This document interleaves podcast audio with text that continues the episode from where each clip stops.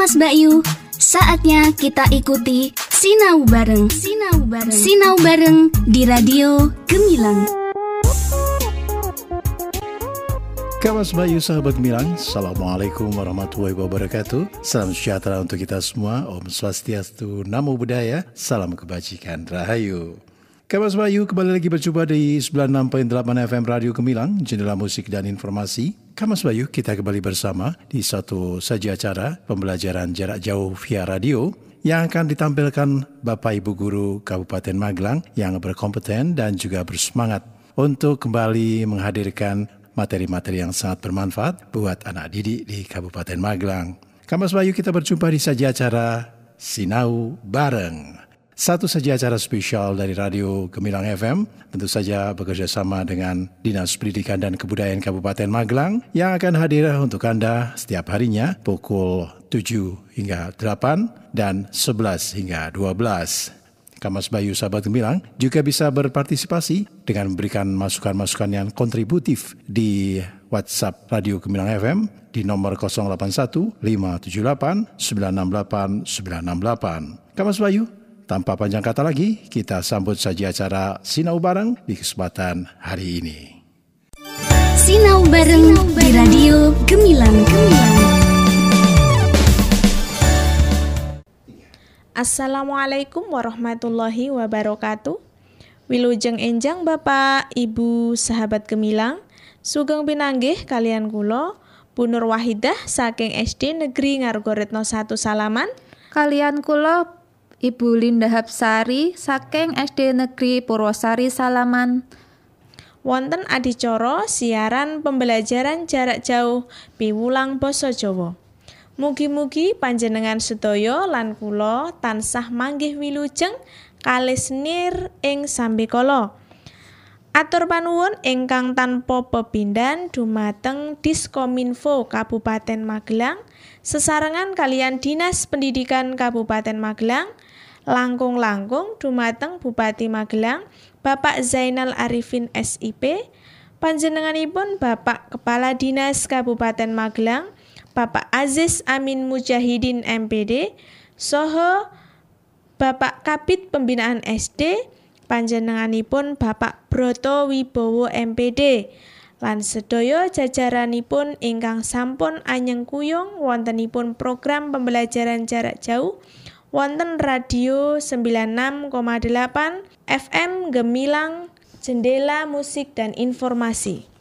Mboten kesupen atur panuwun dumateng Kadang Gemilang ingkang sampun maringi wekdal saha panggenan dumateng kula dalasan rencang guru wonten Kabupaten Magelang wonten adicara sinau bareng basa Jawa kelas sekawan. Mugi-mugi Kadang Gemilang tansah pinaringan kasarasan tuwih kabagas warasan saengga saged ngayahi karya kanthi lancar. Soho Mugi-mugi radio Gemilang FM tansah jaya. Atur panuwun ugi dumateng wali siswa kelas sekawan sekabupaten Magelang ingkang sampun kersa ndampingi putra putrinipun anggenipun sinau bareng wonten 96,8 Radio Gemilang FM Jendela Musik dan Informasi. Wilujeng enjang para putra kelas papat sekabupaten Magelang. Kanggo miwiti piwulangan ing dina iki, ayo padha ndonga ngunjukake rasa syukur marang Gusti kang murbeng dumadi, supaya para putra kabeh lan bapak ibu guru tansah diparingi kabagas warasan lan kelancaran anggone ngayahi piwulangan ing dina iki. Manengku puja kawiwitan. Manengku puja paripurna. Kepriye kabare para putra? Lak yo padha sehat kabeh to? Bu Linda, pripun kabaripun? Alhamdulillah sehat, Bu Nur. Mula aja lali para putra tetep taat karo dawe pemerintah anggone njaga kesehatan. Tetep nganggo masker, njaga jarak, ora kumpul-kumpul, uga aja lali kerep wisuh nggunakake sabun lan banyu kang mili. Kejaba kuwi, para putra uga tansah maem panganan sing bergizi lan ora ngandung zat-zat kimia sing bisa njalari awak dadi lara. Para putra sing ibu tresnani, sadurunge piwulang dina iki kawiwitan, ayo para putra padha nyiapke piranti kanggo sinau, kayata pulpen, patelot, buku lan liyan-liyane. Dene tujuan piwulang ing dina iki yaiku sepisan kanthi mirengake cerita kang diwaca dening ibu guru para putra bisa paham isining wacan kanthi trep. Kaping loro kanthi mirengake cerita kang diwaca dening ibu guru para putra bisa nyeritakake wacan nganggo ragam ngoko kanthi bener. Wondene bahan wulangan dina iki yaiku teks wacan non sastra babagan ngudari isi cerita tradisi nganggo basa ngoko. Sadurunge ibu guru cerita babagan tradisi ing piwulangan dina iki, coba saiki para putra matur marang bapak ibu tradisi sing ana ing masyarakat sakiwa tengenmu. Mestine para putra wis padha mangerteni kabeh to? Ana kang wis ngerti apa durung? Ya, bener putra-putra. Saben papan panggonan kuwi duwe padatan utawa tradisi dhewe-dhewe kanyata ruwahan utawa nyadran, suran, saparan lan sak panunggalane. Menawi pang wonten panggenanipun Mbak Linda wonten tradisi punapa kemawon? Nah, nggih nggih sami mawon Bu Nur, wonten ruwahan utawi nyadran, suran, saparan nggih wonten. Lah menawi panggenanipun Bu Nur, sami panggenanipun kula napa mboten? Sami Bu Linda, wonten panggenanipun kula tradisi ingkang asri dilampahi masyarakat nggih wonten suran, ruwahan utawi nyadran lan saparan Bu Linda. Saiki Coba Bu Guru tak cerita. Para putra mirengake ngenani bab kang ana gegayutan karo tradisi ing masyarakat. Padha dimirengke ya. Aja lali, bocah-bocah nyiapke buku lan pulpoin kanggo nulis bab-bab kang dianggep penting saka wacan sing Bu Guru waca. Tradisi ruwahan. Ruwahan utawa nyadran iku tradisi Jawa sing ditindakake ing Jawa lan wong-wong Jawa ing luar pulo Jawa. Ruwahan asale saka tembung ruwah, ya iku jenenge sasi sadurunge sasi poso ing penanggalan Jawa Islam.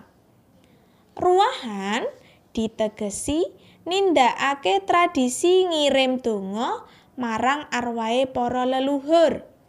Dene nyadran asale saka ritual srada ing agama Hindu yaiku mulyakake arwah. Tembung srada suwe-suwe dadi sadran, sadranan, enggo dadi nyadran. Ringkese tradisi ruwahan utawa nyadran iku yiarah kubur ngirim donga kanggo ngemot-emot lan mulyakake arwahe para leluhur. Umume tradisi ruwahan dileksanakake wiwit tanggal 15 nganti tanggal 17 utawa tanggal 29 sasi ruwah. Tradisi ruwahan utawa nyadran ana sing ditindakake dhewe-dhewe, ana uga kang ditindakake bebarengan warga sak desa.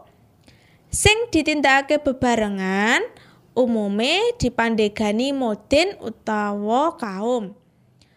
Warga nggawa sega saklawe pepak diwadahi tenong ana ing uga sing dimasak bebarengan awujud gunungan.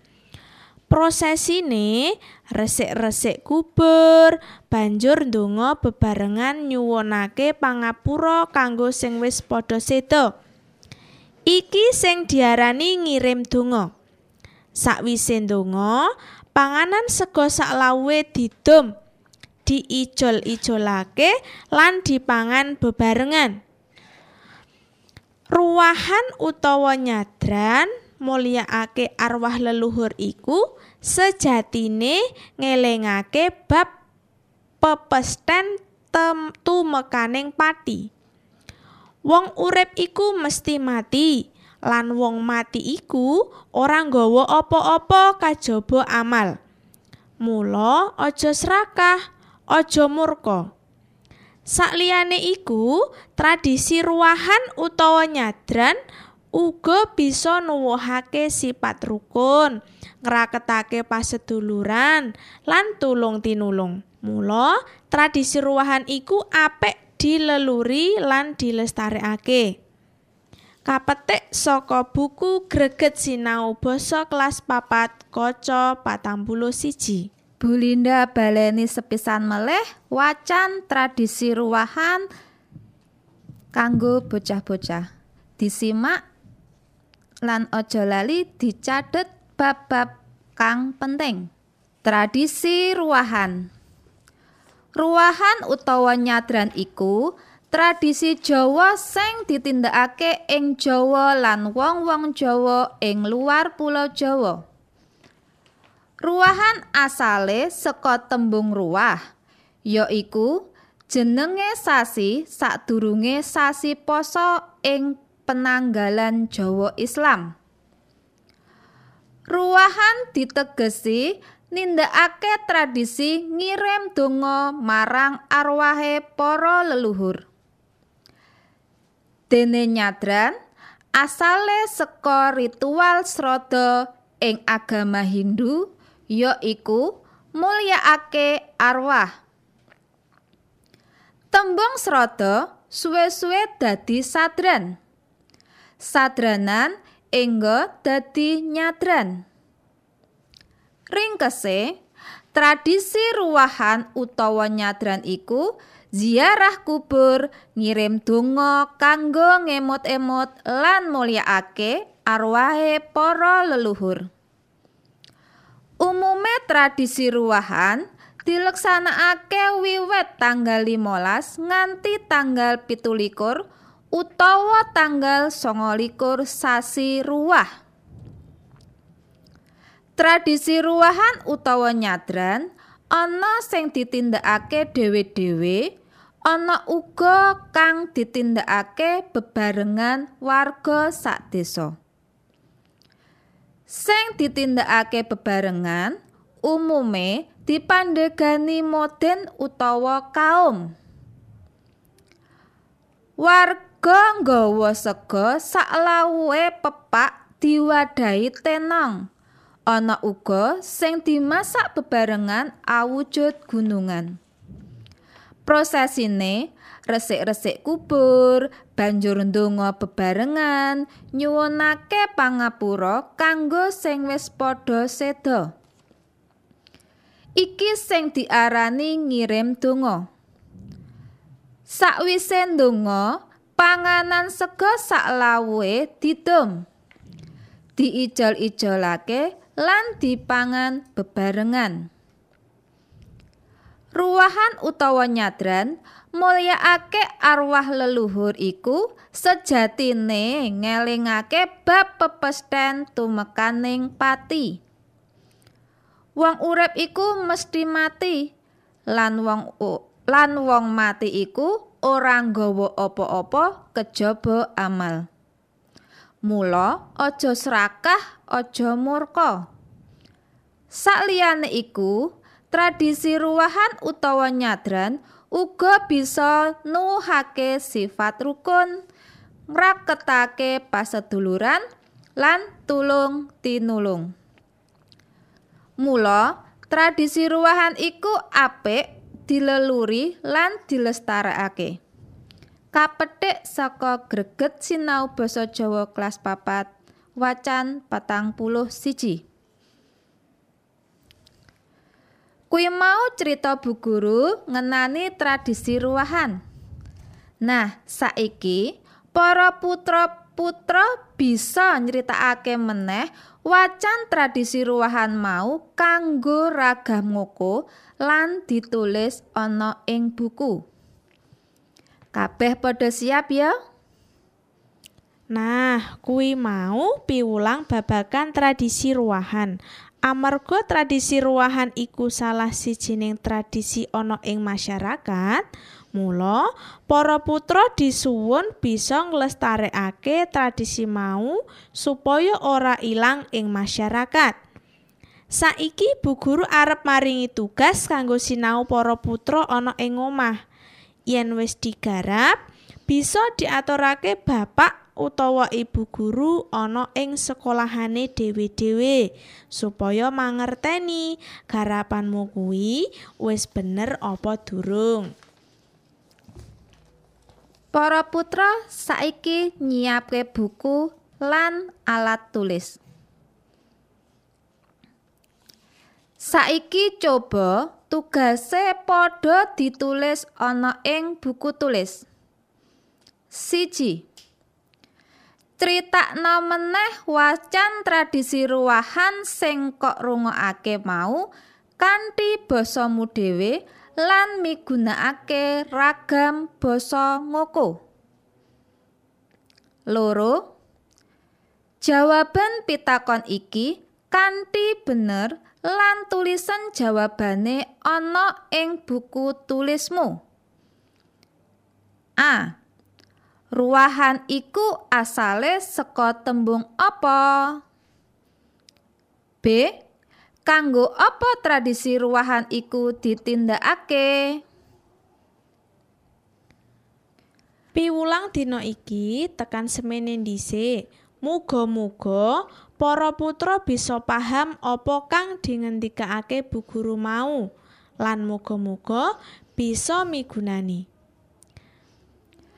Kanggo nutup piwulang ing dina iki, ayo padha ndedonga marang Gusti, muga-muga padha tansah diparingi kesehatan lan bisa ketemu meneh ana piwulang kang arep teka kanthi kahanan kang nyenengake.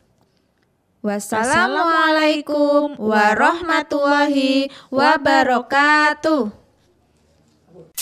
Radio Gemilang. Only hit, only hit FM.